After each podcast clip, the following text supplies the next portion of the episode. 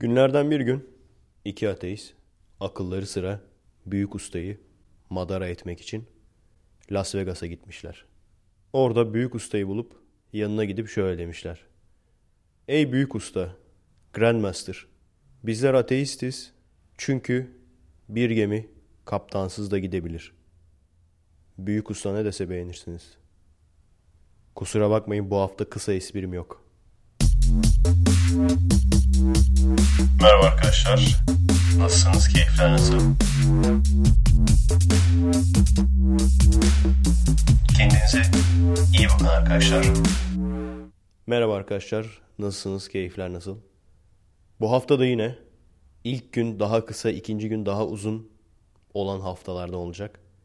Biliyorsunuz genelde pazartesileri daha uzun konuşuyorum. 40 dakika, 45 dakika. Salı günde 15 dakika falan konuşuyorum. Bazı durumlarda işimiz oluyor. O yüzden pazartesi daha kısa konuşuyorum. Bugün de öyle olacak. Çünkü etraf bayağı dağınıktı oraları toparladık. Yani kısa bir süre sonra şu asansör müziğini tekrar duyabilirsiniz biliyorsunuz. Artık kafanız karışmasın diye iki günün arasına asansör müziği ekledim. Bunun gibi. Öncelikle unutmadan hemen aradan çıkartayım. Kilo 12 kapandı mı diye soruyorlar. Hayır kapanmadı arkadaşlar. Çok hızlı bir şekilde atlıyorsunuz arkadaşlar. Ne kadar hızlı komplo teorileri üretiyorsunuz. Aynı dönemde de 3-4 arkadaş Kilo 12'yi bıraktı. Öyle olunca da insanlar şey demeye başladı işte Kilo 12'den ayrılmalar oldu. O yüzden de işte site kapandı falan. Hayır alakası yok. Site zaten bende değil ki. Sitenin admini ben değilim. O kadar vakitsiz bir insanım yani.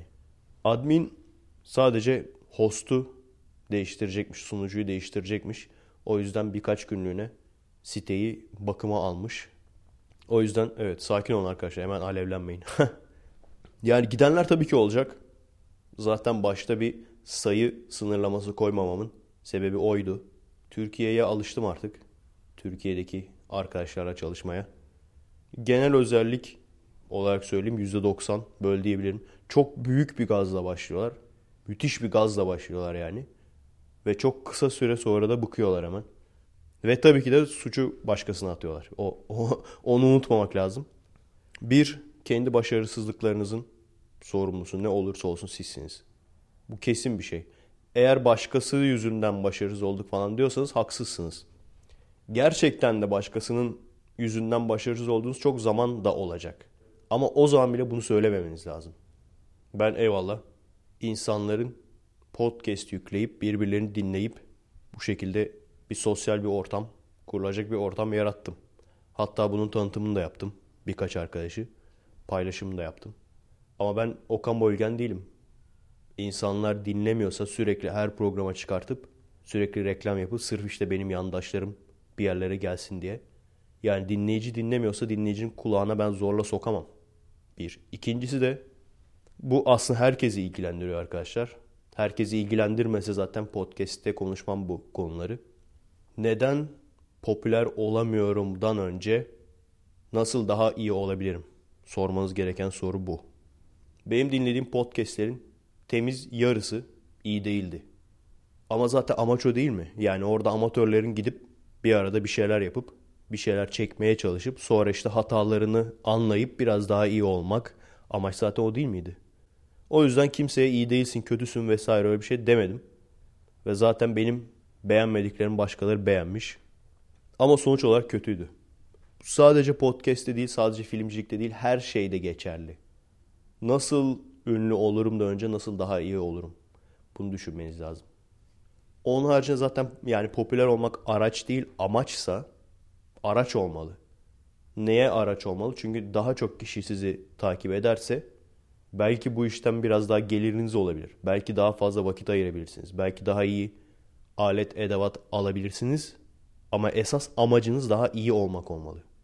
Daha çok kişinin tanıması araç olmalı.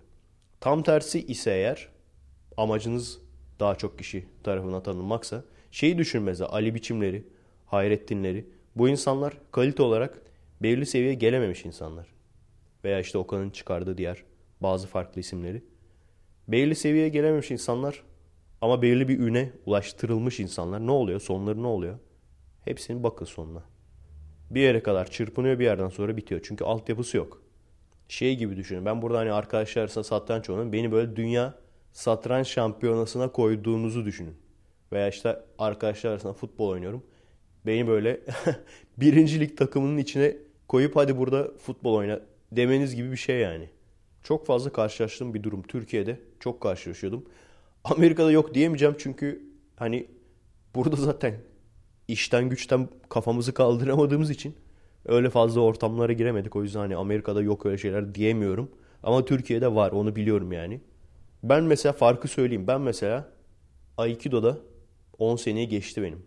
Aikido çalışmam. Ama birinci dandan öteye gitmedim. Birinci sebep parası çok olmasından dolayı.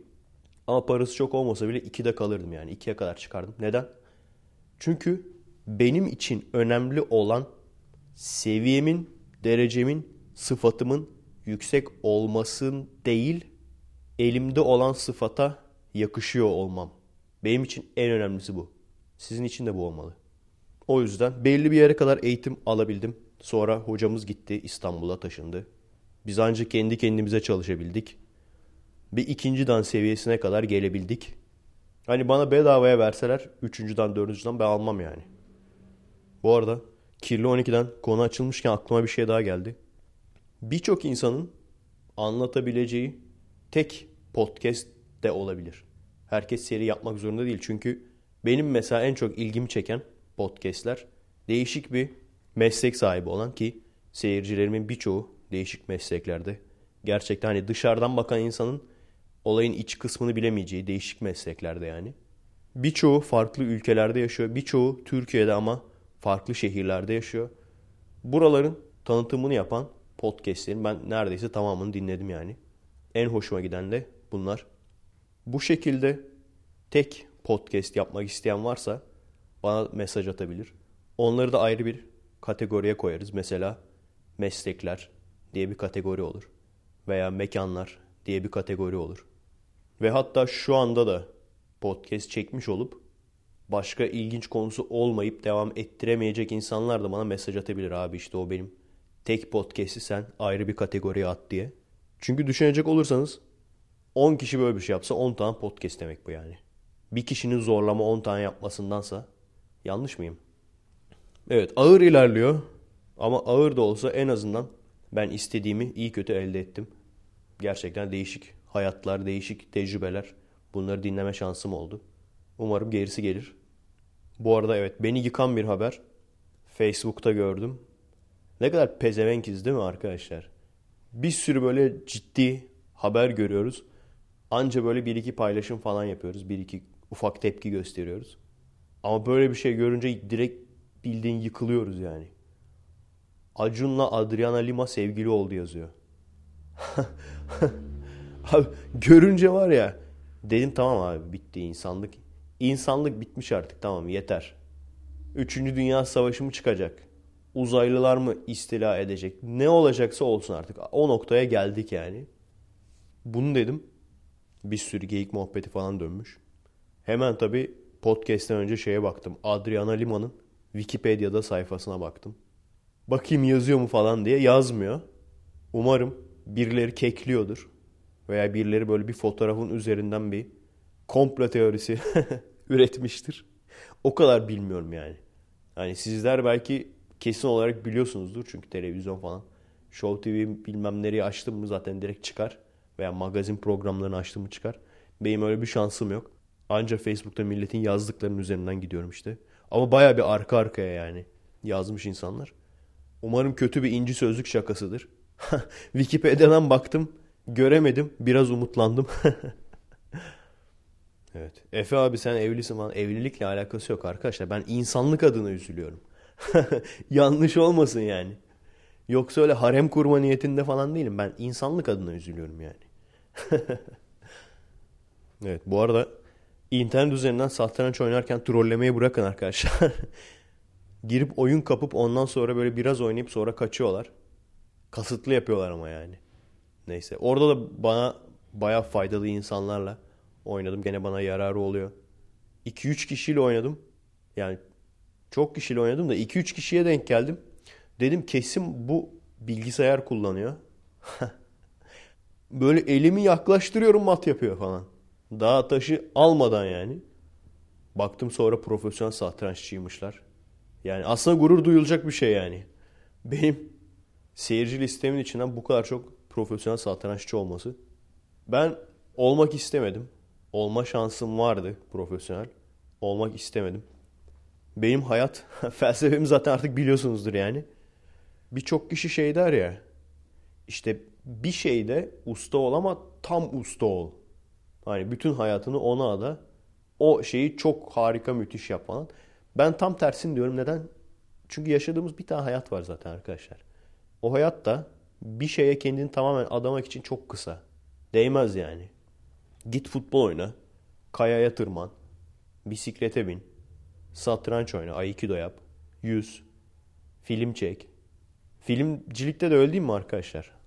Aslında şöyle düşünebilirsiniz. Bir noktada çok iyi olsan profesyonel olabilirsin. Ne bileyim görüntü yönetmenliğinde çok usta olsan veya prop dekor yapımında çok usta olsan veya After Effects'te CGI'da çok usta olsan, yazarlıkta çok usta olsan, oyunculukta çok usta olsan ünlü olabilirsin belki. Ama benim konumumda öyle bir şansım yok.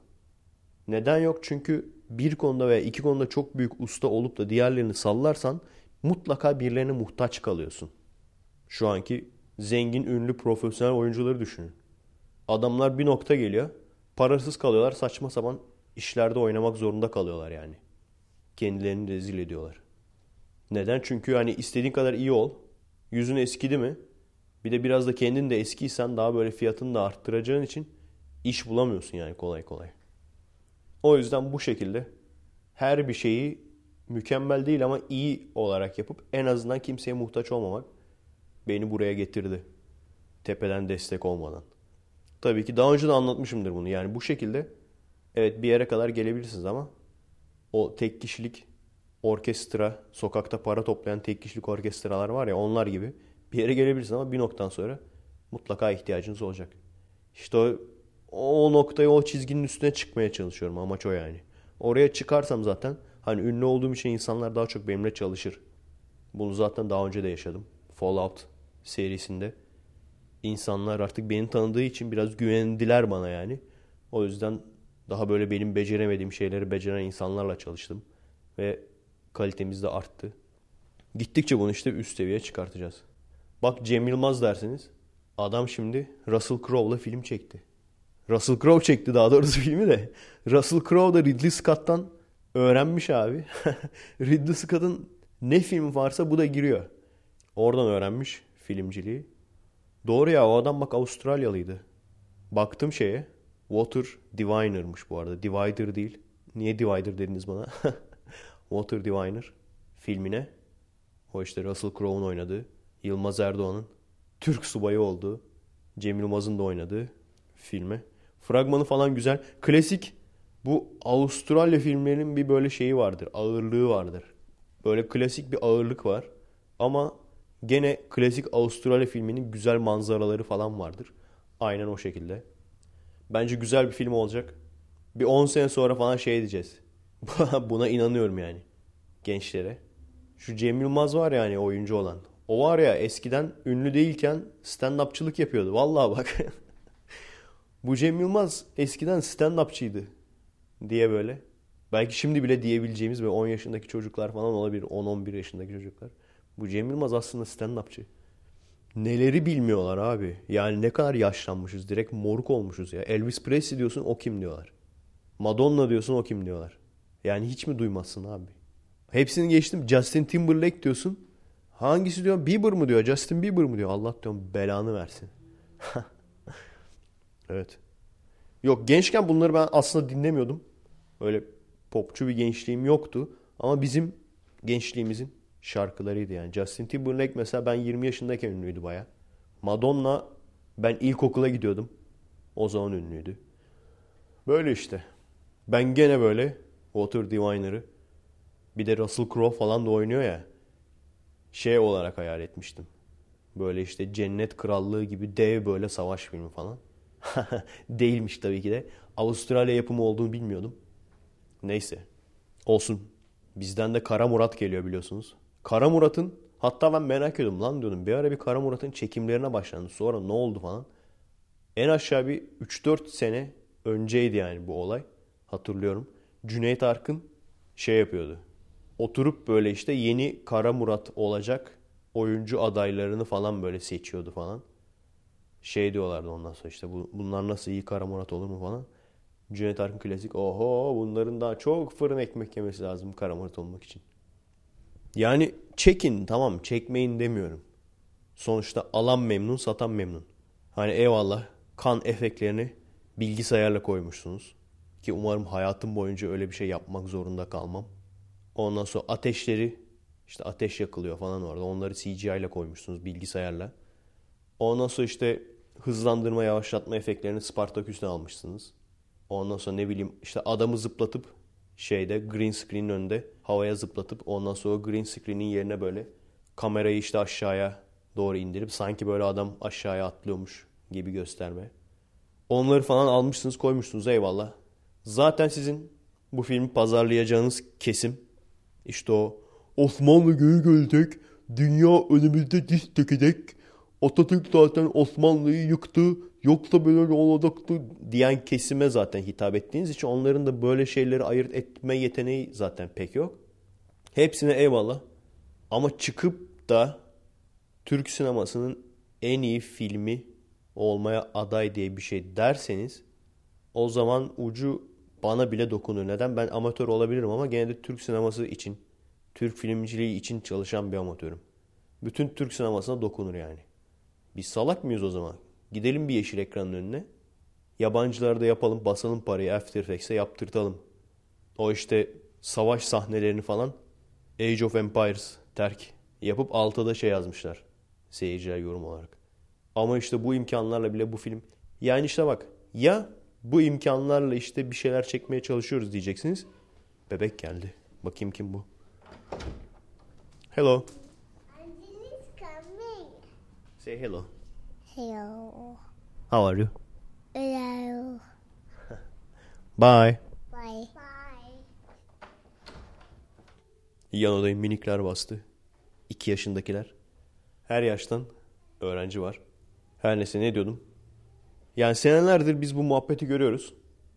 İlk başta işte iki tane After Effects, iki tane CGI kullanınca Türkiye'nin gelmiş geçmiş en iyi filmini çektik falan deyip ondan sonra da filmden sonra da e ne yapalım bizim imkanımız bu kadardı falan. Biz Hollywood değiliz diyenleri. Şeyleri falan geçiyorum yani. Hani konuşmaların yapmacıklığını tamamen propaganda amaçlı olan filmi. Yani bir bizim seyrettiğimiz Kara Murat'ı düşün. Cüneyt Arkın'ın oynadığı. Gerçekten dışarıda uzun blok çekimlerle attan ata atlayan, attan yere atlayan. Hatta bir tanesinde at figüranlardan birini eziyor yani. Görüyorsunuz ve onun film hilesi olmasına imkan yok yani. Gerçekten adam yanlışlıkla düşmüş atta ezmiş geçmiş yani. Adamı Savulun Battal Gazi geliyor filmindeydi o. Hatırlıyorum. 40. dakika falan olması lazım. Bir bakın. At takip sahnesinde. Yani zamanında böyle şeyler yapılmış. İnsanlar film çekeceğiz diye sakatlamadıkları yerlerini bırakmamışlar yani. Doğru düzgün kamera yok, doğru düzgün mikrofon yok. Hiçbir şey yok yani. Hiçbir şey yokken bildiğim bir işçi gibi yani oturup çalışmışlar oyuncular. Ve böyle bir şey ortaya koymuşlar. Yani hiç bunu düşündünüz mü mesela? Neden biz Yeşilçam olamıyoruz? Yeşilçam'ın çektiği Bir Millet Uyanıyor filmi mesela siyah beyaz. Ama bir seyredin yani. Zamanında neler çekmeyi başarmışız. Neden? Neden olmuyor yani? Paramız var. imkanımız var. Her şeyimiz var. Benim gördüğüm özet geçeyim ben. Benim gördüğüm kadarıyla cebinde parası olan, imkanı olan adamın vizyonu yok. Anca sağdan soldan çalıp çırpıp ve parası da yetmediği için ucuz taklidini yapıp bildiğin Çin, Çin malı versiyonunu yapıp sonuç olarak da işte o harcadığı az paranın gene de bir iki katını falan kazanacağı için Allah bereket versin deyip cebini dolduran kafa. Vizyonu olan yetenekli çok insan var ama onlarda da para yok. yani bu ikisi bir buluşamıyor yani. Kalite olarak, prodüksiyon olarak en iyi filmleri çeken hala da Cem Yılmaz. Sevmesem de Yılmaz Erdoğan. Yani bu tür filmci olmayan insanlar yani. Ve tabii onlar da tabii ki kendi istediklerini çekecekler yani. Ben Yılmaz Erdoğan'ın filmlerini çok kafa açıyor yani. Ama gidip de adama şey deme hakkım yok yani başka film çek. Adam bastırmış parayı çekmiş yani canı ne isterse çeker.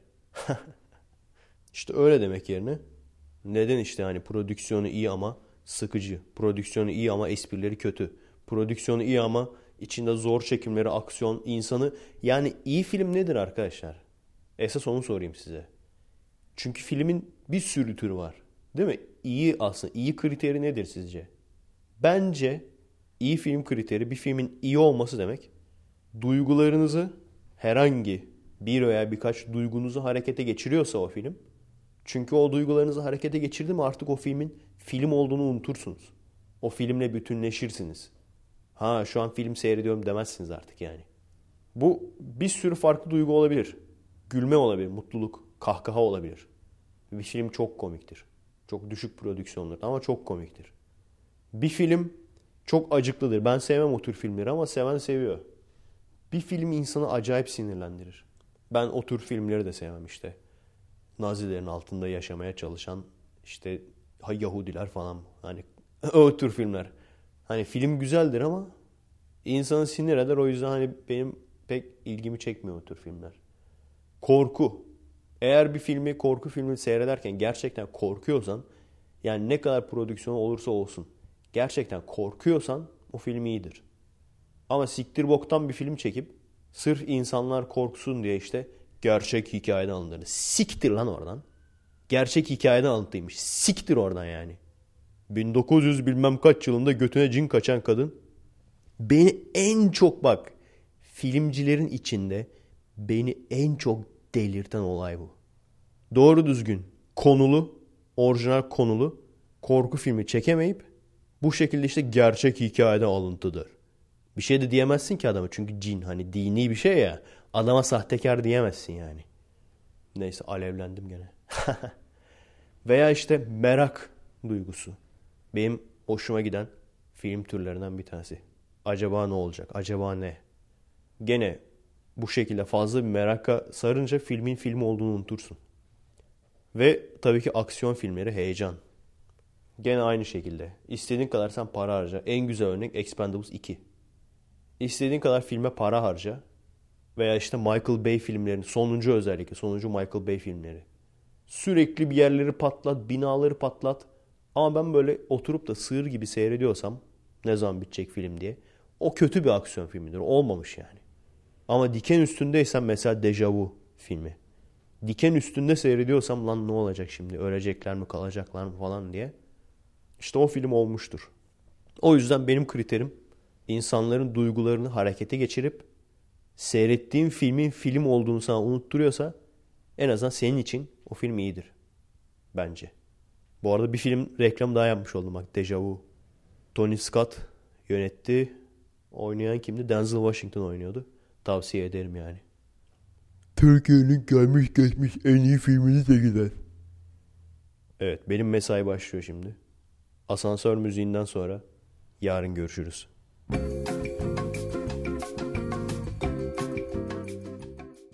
Evet salı gününden merhaba. Ne diyorduk? Ne muhabbeti yapıyorduk dün? Kara Murat diyorduk değil mi? Osmanlı aslında dünyaya hakim olacaktı da işte Atatürk geldi Osmanlı'yı yıktı. Ondan sonra Atatürk İngiliz ajanı mıymış? Hani o yalan yazan tarihi utansın ekstra versiyon var ya. Onun gerçek versiyonları da var. Yani o tabii troll sayfası. Onun gerçekçi olanları da var. Ciddi ciddi bunları iddia edenleri de var. İşte biz tarih derslerinde diyoruz ya Osmanlı dünyanın gözünde Avrupa'nın gözünde hasta adam olarak adlandırılıyordu. İşte bunların hepsi aslında Osmanlı'nın gelişmesini istemeyen gizli böyle illüminaticilerin tarafından gizli böyle mason lobisinin, locasının tarafından uydurulmuş yalanlarmış. Aslında Osmanlı çok güçlüymüş. Atatürk gelip yıkmış İngilizlerin yardımıyla. Ondan sonra Osmanlı eğer gelir gelirse tekrardan dünyaya hakim olacakmışız. Şeyi merak ediyorum. Şimdi artık eğitim sistemini kendi kafalarına göre değiştirmeye başladılar ya. Tarih dersinde böyle mi anlatacaklar acaba? Böyle bir skeç güzel olurdu değil mi? Belki yaparım ileride. Nasılsa tek kişi 2023'te tarih dersleri diye. Tarih aslında çok ilgi alanım değil biliyorsunuz. Değildi daha doğrusu. Şimdi yavaş yavaş tarihi ilginç anlatan insanlar sayesinde işte o podcastçi Dan Carlin olsun. Oradan böyle merak edip gidip internet sitesinde baktığım, okuduğum siteler olsun. Bunlarla biraz ilgi duymaya başladım. Çünkü gerçekten tarih derslerini biz gördük. Tarihleri ezberledik. Komutan isimlerini ezberledik ama neyin ne olduğunu hiç bilmiyormuşuz yani. Hadi size bir şey sorayım şimdi. Belki liseliler bilir. Bu sefer tam tersini söyledim bak. Liseliler bilmez değil bu sefer liseliler bilir diyorum. Trablusgarp Savaşı hadi. Herkes biliyor değil mi Trablusgarp Savaşı diye bir savaş olduğunu. Kiminle kimin arasında? Osmanlı'yı biliyoruz. Osmanlı ile kimin arasında? Osmanlı ile İtalyanların arasındaymış. Bazı şeyler var ki o kadar aslında bariz bilgiler ve sen sadece öğrendiğin zaman bilmediğini fark ediyorsun. Bu benim gibi bir adamı delirtiyor yani. Oha şu kadarcık şeyi nasıl bilmiyormuşum diyorum. Trablusgarp Savaşı Birinci Dünya Savaşı'ndan önce Osmanlı'nın yaptığı savaşlardan bir tanesi. Atatürk, tabi o zamanlar Mustafa Kemal, yüzbaşıymış. Bu arada yanlışlarım olursa alta yorum olarak yazabilirsiniz. Sonuçta hayır hiç kimse bu anlattıklarımı, daha önce anlattıklarımı, daha sonra anlattıklarımı referans olarak almasın. Ondan sonra benim yanlış hatırladığım veya yanlış okuduğum bir şey yüzünden siz madara olmayın. Diyorum ya hep işte sorgulayıcı olun yani. O yüzden ilginizi çeken bir şey olursa gidin kendiniz kontrol edin önce doğruluğunu. İkincisi de evet yanlış duyduğunuz bir şey varsa doğrusunu yazın. Ama atarlı insan istemiyorum. Çünkü hiçbirimiz hiçbir şeyi doğru kesin olarak bilmiyoruz. O yüzden derin konular konuşuyoruz bazen. Derin konular konuşmak demek konuşulanların tartışmaya açık olması demek. Farklı düşünen, farklı bilen her konuda insanların yorumlara bunu yazması demek zaten. Efekeslerin olayı bu. Ama bu işi atarlı ergenliğe çevirirseniz kalbimi kırarsınız. Her neyse. Şu hasta adam mevzu ve Almanlar yenilince biz de yenilmiş sayıldık mevzu. Bunları merak ediyor musunuz? Ben bunları gerçekten merak ediyordum. Az çok cevaplarımı aldım. Birincisi Almanya yenilince Osmanlı da yenilmiş sayıldı. Sözü doğru mu yoksa işte bizim Türkiye'deki tarihin uydurması mı? Teknik olarak doğru bir laf.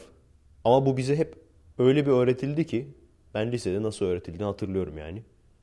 Öyle bir öğretildi ki sanki işte Osmanlı yeniyordu böyle. Düşmanları falan parçaladı, bitirdi falan. Almanya yenilince hani şey olur ya takım maçları olur ya. İşte karate takımı olur 5 kişi falan. Hani sen yenersin rakibini falan ama takım arkadaşların yenildiği için işte milli takım mesela yenik sayılır. bize bize o şekilde anlatılıyordu yani. Aslında olay şu. Osmanlı'nın savaşa girmesi tamamen Almanya'nın yancısı olması için. O sırada mesela ben tarih derslerinde öğrendiğim şuydu benim hatırladığım en azından. Birinci Dünya Savaşı'ndan çok bitkin bir şekilde çıkmış Osmanlı'ya herkes hasta adam gözüyle bakıyordu. Şimdi bunu deyince ben de hep sanıyordum ki Birinci Dünya Savaşı'na girdik. Ondan sonra Birinci Dünya Savaşı'na mahvolduk. O yüzden de hasta adam gözüyle bakıyordu insanlar. Birinci Dünya Savaşı'na önce de hasta adam gözüyle bakıyorlarmış. Neden?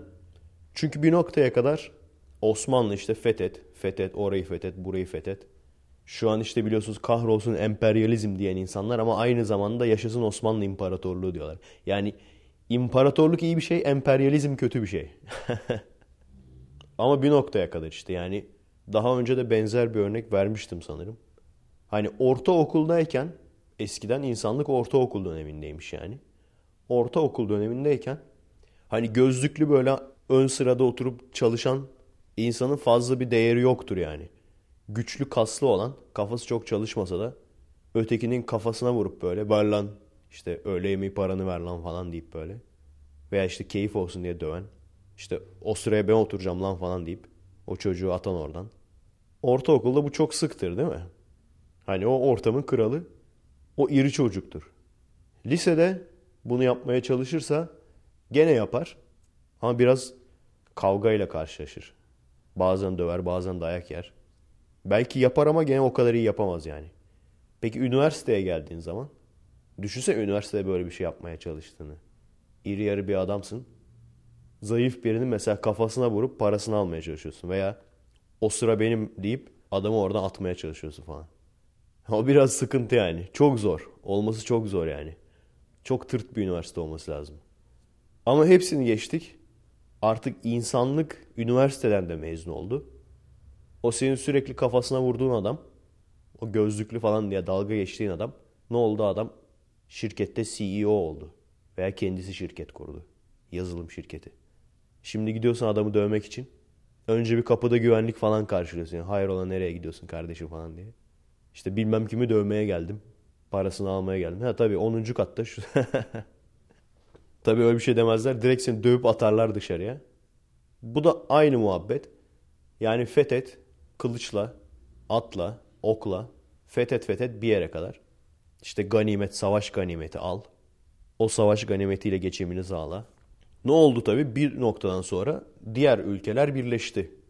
Ve Osmanlı o kadar genişledi ki kendi ağırlığının altında ezildi yani. Sonuç itibariyle hızlı bir şekilde teker teker ülkeler savaşıp bağımsızlıklarını ilan ettiler. Ve bu savaşlardan sonra da hiçbir kaynağı kalmadı. Çünkü ganimet yok. Hiçbir kaynağı da kalmayınca ve savaşlardan da aşırı yorgun ve ordusu da çok güçsüzleşmiş olarak çıkınca artık insanlar hasta adam gözüyle bakmaya başladılar. Ve gene bize söylenmeyen bir olay. Yani bunu yabancılar birbirlerine anlatıyorlar. Hani işte Illuminati gizlice işte Osmanlı'nın büyüklüğünü işte küçük göstermeye çalışıyormuş da bilmem neymiş de. Yani bu palavralara inanıyorsanız tabii bana inanmamaya devam edebilirsiniz. Ama aslında bu adamlar tam tersini yapıyor. Kim güçlüyse onu çok iyi ayrıntısına kadar anlamaya çalışıyorlar. Bizimkiler gibi hayal aleminde yaşamıyorlar yani. Bizde hala da işte diğer ülkeler işte bizim sarayımızı kıskanıyormuş. Bilmem ne Putin, Obama oturup ağlıyormuş. Niye bizim böyle sarayımız yok diye. Ve Osmanlı kendine gelebilmek için kaynağa ihtiyacı var. Reform yapmaya ihtiyacı var.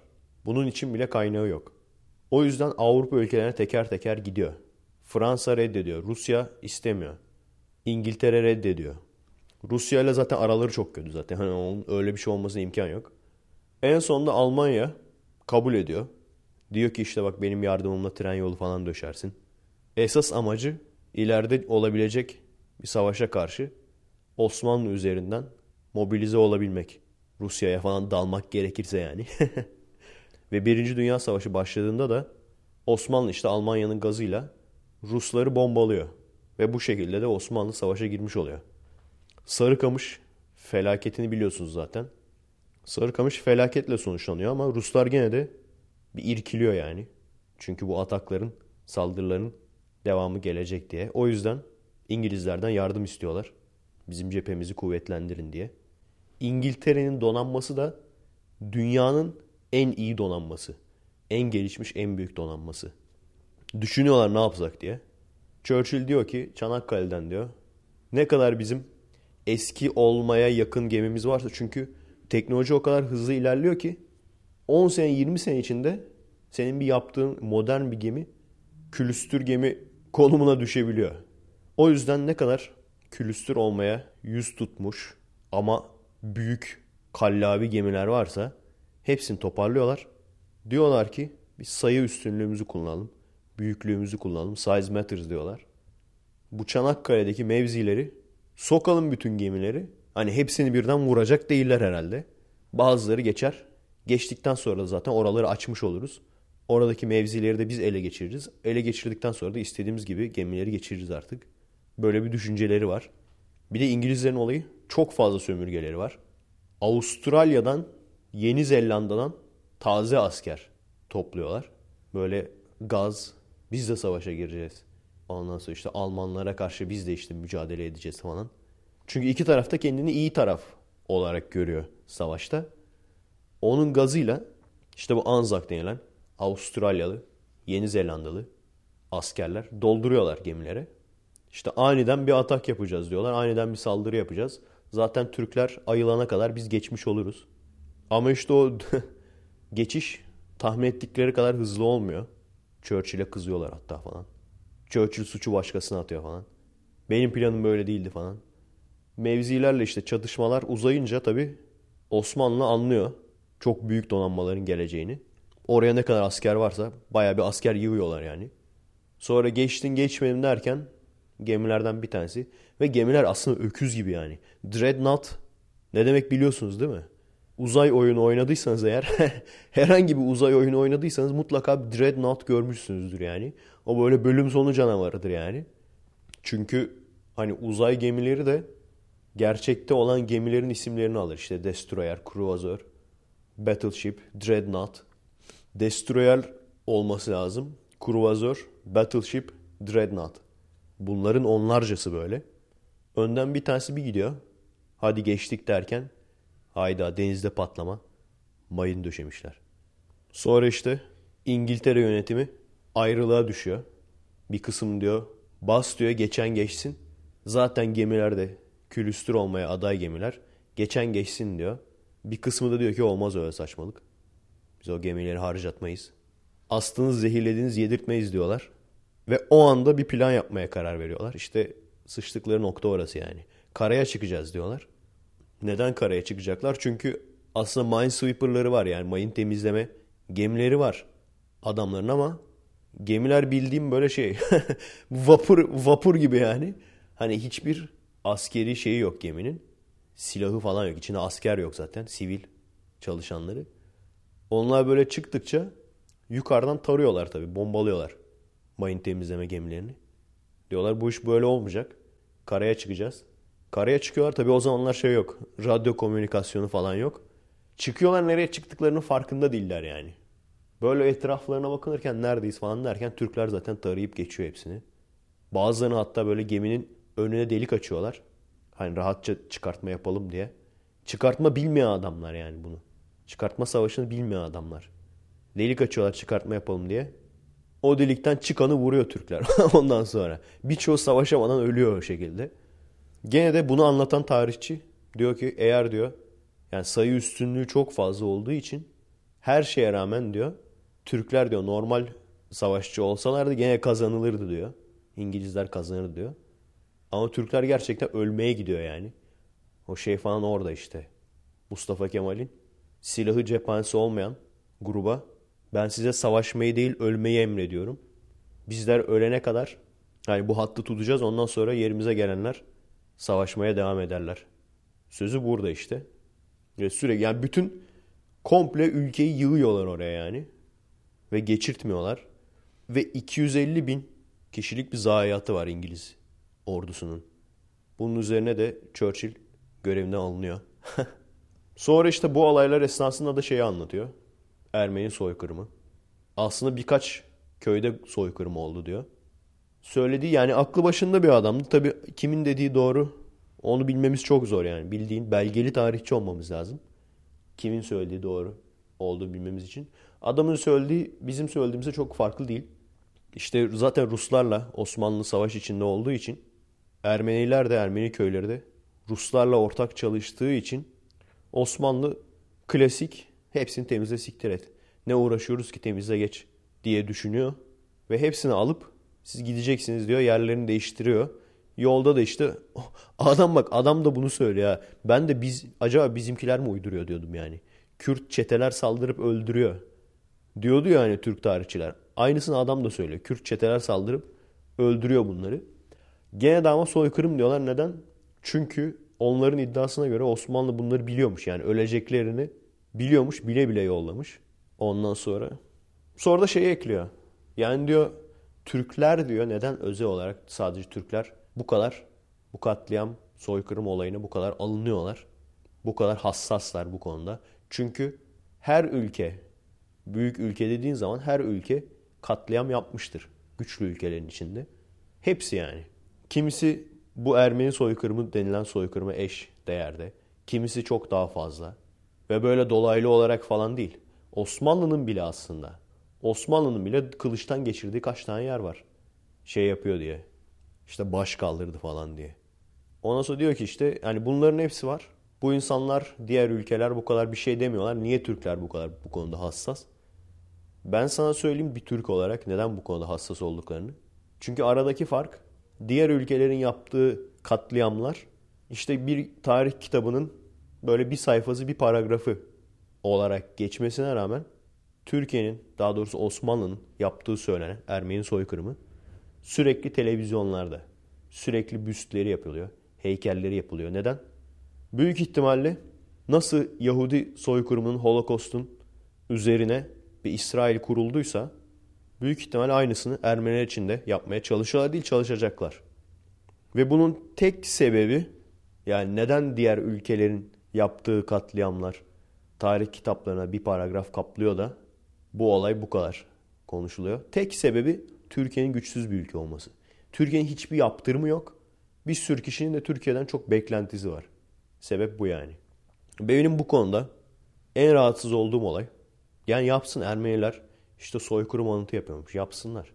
Sonuçta olmuş bir şey yani. Osmanlı'nın sürekli hani sanarsın ki Osmanlı sadece Ermenilere yapmış. Hayır. Osmanlı'nın sürekli fetih ismiyle veya işte isyan bastırma ismiyle bu tür olayları var. Şu andaki Türkiye yani Osmanlı'nın yönetimiyle tamamen alakasız zaten her şeyden önce. Hani Osmanlı yönetiminin bir devamı bile değil yani. Osmanlı bittiği zaman Türkiye Cumhuriyeti kurulduğu zaman emperyalizm kafası da onunla birlikte bitiyor. 29 Ekim 1923'te emperyalizm kafası bitiyor bizde artık.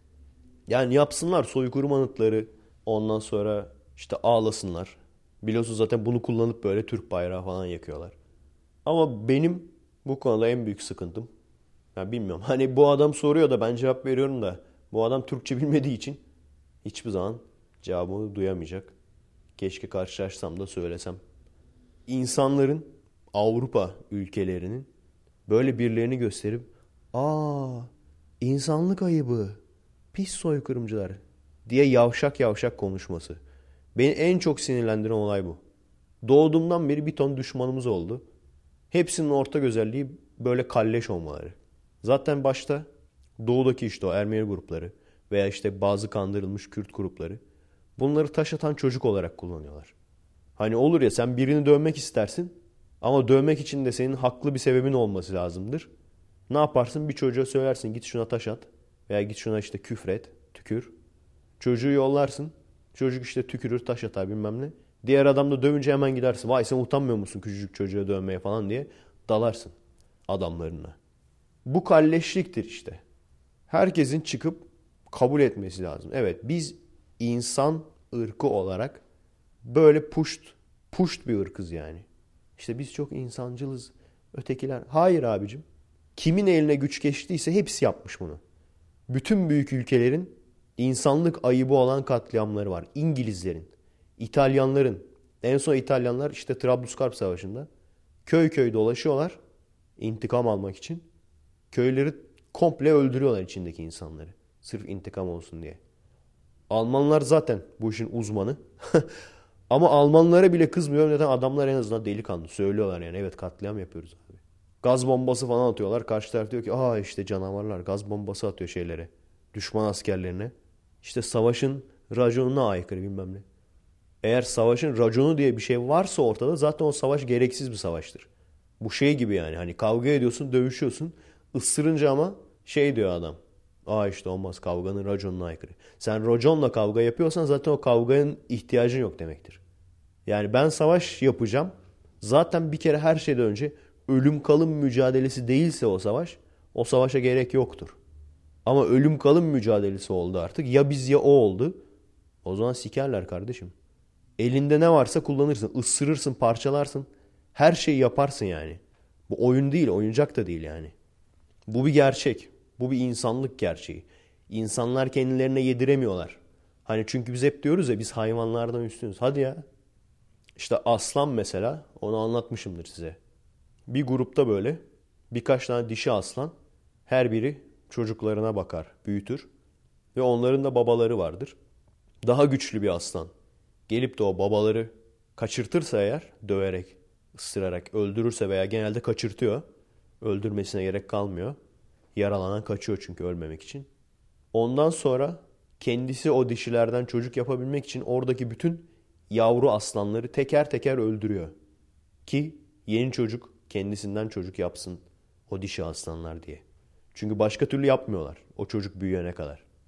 Hani biz insan olarak bundan böyle daha üstün olduğumuzu düşünüyoruz ya. Böyle bir iddiamız var ya. O yüzden böyle herkes birbirine parmak gösteriyor. Ay insanlık ayıbı bilmem ne. Amerika'nın yaptığı katliamları biliyorsunuz. Fransa'nın yaptığı katliamları biliyorsunuz. Japonya'yı ben seviyorum diyorum. Ama Japonya'nın da var böyle katliamları Çin'e karşı. Çin'in kendi yaptığı katliamlar var. Ve tabii Osmanlı'nın yaptığı gerçek katliamlar var yani. Gerçekten girip kesmişler, doğramışlar yani. Moğolların yaptığı katliamları zaten saymaya göre. Adamların mesleği katliam zaten. Mesela o tarihçi adamın gene konuşan adamın söylediği doğru bir şey daha. Hani şeyden itibaren katliam var diyor. O da doğru. İlk eski ayet Tevrat'ta bile katliam var. Yani adamlar işte gidiyorlar çölde. Tanrı'ya diyorlar ki işte Tanrım bize mekan lazım. Böyle olmayacak. Tanrı da tamam diyor. Şimdi Tanrı ya ben de sanıyorum ki böyle bir çölden şey çıkartacak. Böyle bir şehir çıkartacak kumların içinden. Hayır. Bir şehir gösteriyor böyle. Gidin diyor şu şehri. E saldırın.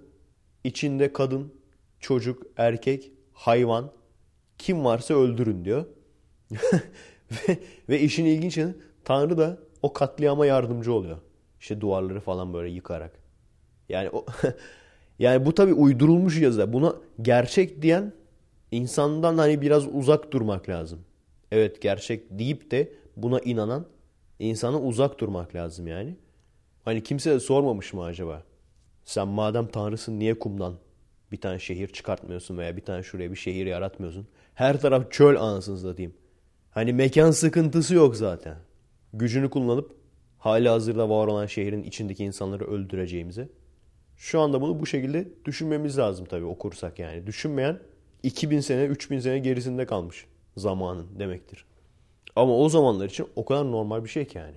Kabile kabile insanlar. Benim kabilem 10 numara. Benim kabilem olmayan gebersin. Çok normal yani. Çocukları öldürmek, bebekleri öldürmek. Hani hep Hitler'e derler ya Almanlar. Ya hep Hitler yüzünden aslında biz çok iyi insanlarız. Hitler'den önce de neler yapmış yani adamlar. Zaten o Birinci Dünya Savaşı'nın alevlenmesinin esas sebebi Fransızlara saldırmaya çalışıyorlar ama Fransızların savunması çok güçlü. O yüzden güçsüz olan bir yerden saldıralım diyorlar. Nereden? Belçika üzerinden. Belçika'da tarafsız, güçsüz bir ülke. Belçika'ya dalıyorlar. İçindeki insanları falan öldürüyorlar. İnsanlar çünkü karşı koymuşlar. Giremezsiniz ülkemiz. Hani onlar şey demiş yani. Hani bırakın geçelim. Size dokunmayız. Onlar da işte arkalarına güvenmişler. Karşı koymuşlar falan. Öyle olunca baya bir katliam olmuş falan. Herkes dahil oluyor ondan sonra doğal olarak. Ruslar, İngilizler, Amerika Birleşik Devletleri. Önüne gelen giriyor anasını satayım. Hintliler, Afrika, Avustralya. Yani sonuç itibariyle hani Almanlar yenilince biz de yenilmiş sayıldık. Olayı doğru. Ama işte dediğim gibi Alman zaten esas büyük güç Almanlarmış. İşin işte acıyanı o. Hani biraz daha reform belki yapabiliriz, kendimizi toparlayabiliriz diye Almanlarla ortaklık yapıyorlar. Büyük bir ülkeyle yapılan ortaklıklar hiçbir zaman küçük ülkenin lehine, menfaatine değildir. Bunu Atatürk mü söylemişti? O söylemişti galiba değil mi? Tam hatırlamıyorum. Ama her kim söylediyse çok doğru bir laf işte. Kanıtı da burada. Birinci Dünya Savaşı tarihteki belki de en korkunç savaş olarak geçiyor. Kayıp olarak 2. Dünya Savaşı'ndan daha mı fazla daha mı az bilmiyorum. Ona bakmadım. Ama o güçlerin hani yenişememesi bu sebepten de günlerce, haftalarca, aylarca çukur kazıp zaten Hendek Trench Warfare dedikleri olay orada çıkıyor yani. Hendek Savaşı. Hani Hendek kazıyor. Hendek'in içinde bekliyor. Neden? Çünkü her taraf normal yani karadan, topraktan yürümeye kalksan her taraf bomba. Her taraf kurşun, mermi. Adamın arkadaşı ölüyor. Cesedini gömemiyorlar. O cesetlerin arasında falan yaşaman gerekiyor falan. Yani inanılmaz, inanılmaz kötü bir durum.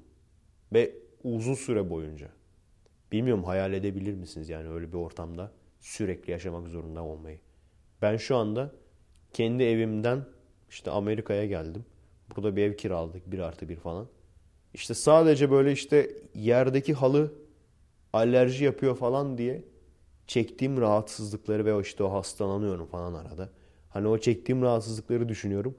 O bile böyle benim hayatımı şey yapıyor yani. Zindan ediyor. Bir de bu insanların yaşadıklarını düşünün yani. İlk olarak bu işte dikenli tel kullanmak savaşlarda. Piyade birliğini yavaşlatmak için. Ve ilk olarak da hendek kazıp hendek savaşı. Bu Birinci Dünya Savaşı'nda oluyor. Hendek savaşı derken bizim bizim hendek savaşı değil. İslamiyet savaşı olan hendek savaşı değil. Biliyorsunuz o da bize anlatılıyordu. Onlara da baktım. Bedir Savaşı. Başka kaynak bulamadım. Yanlışım varsa düzeltin. Türkçe Wikipedia'ya baktım. Biliyorsunuz Türkçe Wikipedia'nın ne kadar güvenilir olduğu tartışılır. Ama başka gene e, bir ilahiyat hocası gene onun yazdığı kitapta da bu varmış. Bedir Savaşı'nda biliyorsunuz bize işte anlatılıyordu falan. Filmi çekildi falan çağrı diye. Ölü sayısını bilen var mı? Mekkelilerden 70, Müslümanlardan 14 kişi ölüyor. Evet, büyük ihtimal benim aklıma gelen sizin de aklınıza geldi. Bizde bir maden çöküyor, çok daha fazla insan ölüyor yani. Bir maden çökmesinde. Bir gemi batıyor yanlışlıkla, çok daha fazla insan ölüyor. Neyse, bu birinci savaş. İkinci savaş Uhud Savaşı. Tam sayısını hatırlamıyorum ama en çok kaybın olduğu savaş. Bayağı bir insan ölüyor. Müslümanlar kaybediyor. İşin ilginç yanı da daha önce demiştim. Benim yanımda olan asla kaybetmez diye ayetler olduğu halde bu kayıp olunca savaştan sonra yeni ayetler geliyor. Bu sizi denemek içindi. imanınızı sınamak içindi diye. Orada da gerçekten ciddi ciddi bitebilirmiş yani şeyler. Müslümanlar Uhud Savaşı'nda çok kötü bir kayıp. Neden? Çünkü Müslüman kampı, Müslümanların kampı sırtını yamaca vermiş. Dik, dik bir yamaca vermiş. Ve o yamacın tepesinde de okçular var. Müslümanların okçuları var. Ön cephede de savaşıyorlar. Ondan sonra hatırladığım kadarıyla ganimet yüzündendi. Ganimetleri işte paylaşmak için, kapmak için okçular bırakıyor yerini. Ganimetlerin peşinden gidiyor. Orada işte şeyler kaybedince, Mekkeliler ölmeye başlayınca. Bu sefer diğer taraf bunu görünce arkadan dağın arka tarafından dolaşıyor. Okçuların geri kalanların hepsini öldürüyor. Ondan sonra oradan direkt arkadan direkt kampa iniyor yani. Kampa iniyor kim var kim yok orada temizliyor. Muhammed bile ölecekmiş yani neredeyse. Zor kurtulmuş. Yaralanmış. İşte ölmeyince hatta şey demişler. Vay mucize bu da mı tesadüf falan. Sonra Hendek Savaşı'nda da Mekkeliler bu sefer kuşatmaya geçiyor. Müslümanların yaptığı tek şey derin hendekler kazmak. Ve bu derin hendekleri kazınca Mekkeliler develerle falan geliyorlar. Geçemiyorlar hendekleri ve o kadar. Ölü sayısı Müslümanlardan 6, Mekkelilerden 8. Büyük ihtimalle hendeye düşüp yuvarlanıp ölmüştür o adam da yani. Mekkeliler gerçekten yenilmeyi hak etmişler yani. Hendek kazıyorsun adamlar bakıyor olan geçemedik ne yapalım dönelim bari falan. Geçemiyorlar. Kuşatmayı bitiriyorlar. Ve bundan sonra bir olay yaşanıyor. Bunu ne din dersinde öğretirler ne Türkçe Wikipedia'da Hendek Savaşı'nda öğretirler. Yabancı kaynaklara bakacaksınız. Battle of Trench diye geçer. Wikipedia'da veya başka bir yerden de bakabilirsiniz. Kureyza kabilesi. Türkçe kaynaklarda da sadece Turan Dursun gibi sitelerde yer alır. Ama dayanak olarak da hadislerde varmış galiba. Sonuç itibariyle olan olay şu. Mekkeliler bakıyorlar. Başarılı olamayacaklar. Kureyza kabilesi diye bir kabile var. Diyorlar ki siz Müslümanlarla şu an dost olarak gözüküyorsunuz. Ama gelin bizimle anlaşma yapın. Arkadan saldırın bunlara. Böyle bir anlaşma yapıyorlar. Kureyza kabilesi tamam diyor. Ama Muhammed bunu fark ediyor. Fark edince o tarafa, arkaya doğru birlik yolluyor. Bu adamlar da cesaret edemiyorlar. Anlıyorlar şimdi. Yenemezsek ne olur falan. Cesaret edemiyorlar. Yani ortada bir saldırı yok. Saldırı olmuyor yani. Ama savaş bittikten sonra Kureyza kabilesine gidiyorlar Müslümanlar. Teslim olun diyorlar. Etrafınız kuşatıldı. Bunlar da teslim oluyor. Teslim olduktan sonra 400 civarı erkeğin kafası kesiliyor. Yani orada ne kadar erkek varsa ve kadınlar ve çocuklar alıp köle olarak kullanılıyor. Hani insanlar bazı şeyleri kabul etmiyorlar. Bazı şeyleri kabul etmezseniz tartışmaya nasıl devam edebiliriz ki? Semavi dinlerde kölelik yoktur. Nasıl yoktur abi? Semavi dinlerde çatır çatır kölelik vardır. Köle diye bir unsur da vardır. insanları köle etmek de gayet normaldir. Üçünde de. Üç semavi dinde de vardır. Oradaki insanların kafalarını kesmeyi bile bir şekilde açıklayabilirsiniz. İşte onlar plan yaptılar falan. Ama çocukları ve kadınları köle yapmayı nasıl açıklıyorsunuz? Bu arada benim mesaim başlamış bile. 2 dakika geçmiş. 2'yi 2 geçiyor saat. Yani mesaim başladıktan sonra işte bir 15-20 dakika sonra falan ilk öğrencilerim geliyor ama benim gene de hani hazırlık falan yapmam lazım. O yüzden şimdi gidiyorum arkadaşlar. Muhabbet uzamış. Farkında olmamışım. Eğer bir saati geçtiysek kendinize iyi bakın. Ben adresimizi gene söyleyeyim. youtube.com bölü kommek twitter.com bölü kommek ve destek olmak isteyen arkadaşlar için patreon.com bölü Efe Aydal. Kendinize iyi bakın arkadaşlar. Eğer bitiş müziğini duyarsanız bitti demektir. Eğer asansör müziğini duyarsanız yarın devam edeceğiz demektir. Görüşürüz arkadaşlar.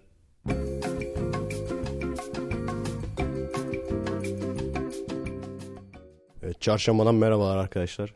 Büyük ihtimalle bir saati tamamlayamayacağız. Zaten lafım da yarım kalmıştı iyi oldu boş ver. Tam aslında muhabbetin ortasındaydık. Mesaim başladı. Son iki gündür geç geldik. Bir de burada da yapılması gereken işler vardı o yüzden kayıtta fazla vakit ayıramadım. O yüzden iki değil üç güne böldük. Söylemeye çalıştığım bu ülkelerin kendilerini katliam yapıp ondan sonra başkalarına vay katliamcı falan insanlık ayıbı falan demesi. Yani o da ilginç bir laftır yani. Katliama insanlık ayıbı demek. Veya işte insanlığa sığmaz demek. İnsandan başka katliam yapan bu şekilde çıkarlarına ters geliyor diye özellikle insanları öldüren başka hayvan mı var yani insanlığa sığmaz diyorsun. Hayır. Ne kadar kötü özellik varsa insanlığa sığar aslında. Bu olayı iki şeye benzetiyorum ben. Bir tanesi bu fanatik takımların birbirlerine düşmanlığı. Ne yaparlar işte biri birini kıstırdığı zaman yakalar köşede kenarda bıçaklar geçer. Ondan sonra işte bir taraf der ki işte orada bıçaklayan 3-5 kişinin üzerinden bak işte bu takımı tutan taraftarlar katildir. İşte katil bilmem ne spor diye. Bunun üzerinden böyle propaganda yapmaya çalışırlar. Diğer bunu yapanlar da şeyi söyler. İşte biz bunu yaptık ama bilmem kaç senesinde de siz bunu yapmıştınız. Onu yaparken iyi miydi? Bu da aynı hesap işte. Kendileri yaptığı zaman siz şunu yaparken iyi miydi demek. Ama başkası yaptığı zaman da aa insanlık ayıbı demek. Bu bir. İkincisi de benim sürekli karşılaştığım bir olay. Gene ikinci örnek yani bu. Kızlar yokken böyle erkek erkeğe muhabbet yaparken işte o kızın arkasından kızın hakkında şey falan dersin böyle işte onu yatıracağım da batıracağım da çevireceğim de evireceğim de anlatırsın böyle. Ondan sonra kızlar varken böyle işte hafif küfürlü falan konuşunca Efecim lütfen seviye. Seviyeyi düşürmeyelim kardeşim. Bu da aynı hesap yani. Hani kızlar olduğu zaman insanlık ayıbı. Kızlar olmadığı zaman ölümüne. Evet. Gidip trollük yapayım mı? Mesela o arkasından konuşan erkeklerle o kızlar aynı ortamdayken gidip böyle o ortama. Bak şu var ya senin hakkında ne dedi falan. Hatta yapalım bir tane. Geçmişten arkadaşlardan birini trolleyelim. Şimdi hemen arıyorum. Alo Özlem. Nasılsın? Bak şu Haldun var ya. Senin arkandan ne dedi biliyor musun? Seni yatıracakmış, yatıracakmış çam dibine. Sonra bayıra karşı, bayıra karşı. Evet. Evet o o Haldun evet. Ha? Var. Niye sordun? Audi. Hmm. Ee, tamam. Yok. e, cebi yok da ben sana face'ini vereyim o zaman. Şartları siz konuşursunuz. Tamam. Tamam görüşürüz. Evet. Evet bak. Yanlışlıkla hayır işlemiş olduk. yani bu iş üzerinden prim yapmaya çalışanlar hiçbir zaman başarılı olamaz. Şu an işte bazı Ermeni gruplar var. Böyle hayalleri var. Soykırımın üzerinden belki toprak alırız. Belki işte tazminat alırız, para alırız. Yani birincisi bu utanç verici bir hareket. Hani Türkiye'de kendi insanlarımızdan bazen utanıyoruz ya. Ama ben bunu gördükçe ve araştırdıkça biraz bu ülkeyi Ermenistan'da yaşasam daha fazla utanırdım yani. Çünkü girin bakın yani Türkçe kaynaklara değil yabancı kaynaklara Wikipedia olsun veya başka herhangi bir kaynak olsun. Girin bakın Ermenistan'a. Ben en son şeyde bakmıştım. Azerbaycan'la Ermenistan'ın arasında gene böyle bir gerginlik olmuştu. İkisini karşılaştırmıştım. İşte Azerbaycan'a bakıyorsun. Ekonomi olarak ekonomi kısmında işte maden, doğal kaynaklar, tarım vesaire birkaç bir şey var. Ermenistan'a bakıyorsun ekonomik gelir, lobiler. yani abi ne kadar büyük bir utanç yani bu. Düşünsene ülkene girip bakıyorsun bakalım neymiş bizim gelirimiz lobilerden gelen para. Bu kadar. Yani bu tam şey hani işi olmayıp da millete dava açıp oraların üzerinden para kazanan veya işte dışarıdan böyle amcasından para kazanan kendisi çalışmayan insanlar gibi yani. Ve sonuç olarak bakın bu işte soykırım bahanesiyle dava açıp bir şeyler elde etmeye çalışan Ermeni gruplar da ülkeyi bölmeye çalışan bazı Kürt gruplar var. Onlar da sonuçta kaybedecekler. Bu Ermeni grupları ele alalım mesela. Sonuçta bu tür insanların zararı kendisi nedir? Kaybedecekler. Soykırım tanınsa bile kaybedecekler. Tazminat verilse bile kaybedecekler. Toprak verilse bile kaybedecekler. Çünkü ne demiştik? Kendisine faydası olmayan insanlara hiç kimse yardım edemez. Toplumlar için de bu aynısı geçerli. Git sürekli kumar oynayan, işe girmeyen, çalışmayan, aylak, eline gelen parayla işte içki içen tipler vardır. Ondan sonra der ki işte kader kurbanıyım vesaire kader vurdu şu bu borçlarım var. Git bu adama 1 milyon TL ver.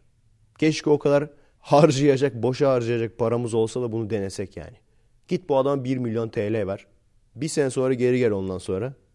Adam belki de daha kötü durumdadır. Çünkü kendine hayrı olmayan bir insanı hiç kimsenin faydası olamaz. Ve sonuçta evet bize zarar veriyorlar. Bize rahatsızlık veriyorlar. Ama bize verdikleri zarar kendilerine verdikleri zararın yanında gerçekten çok küçük. Çok net kullanılıyorlar. Hani bu insanlara artık bir düşmanlık bile beslemiyorum yani. Sadece üzülüyorum. Çünkü aynı sözü tekrar söylüyorum. Bir küçük ülkeyle bir büyük ülke ittifak kurarsa bu hiçbir zaman küçük ülkenin menfaatine değildir. Bu kadar basit. Yani hayatını yancılık yaparak geçiriyorsan eğer evet bunun bazı artıları vardır. Birçok şeyi kolayca elde edersin. Ama en büyük eksisi de hayatın boyunca yancı olmaktan kurtulamazsın. Herkese iyi haftalar. Bilme emanet olun arkadaşlar. Merhaba arkadaşlar. Nasılsınız? Keyifler nasıl?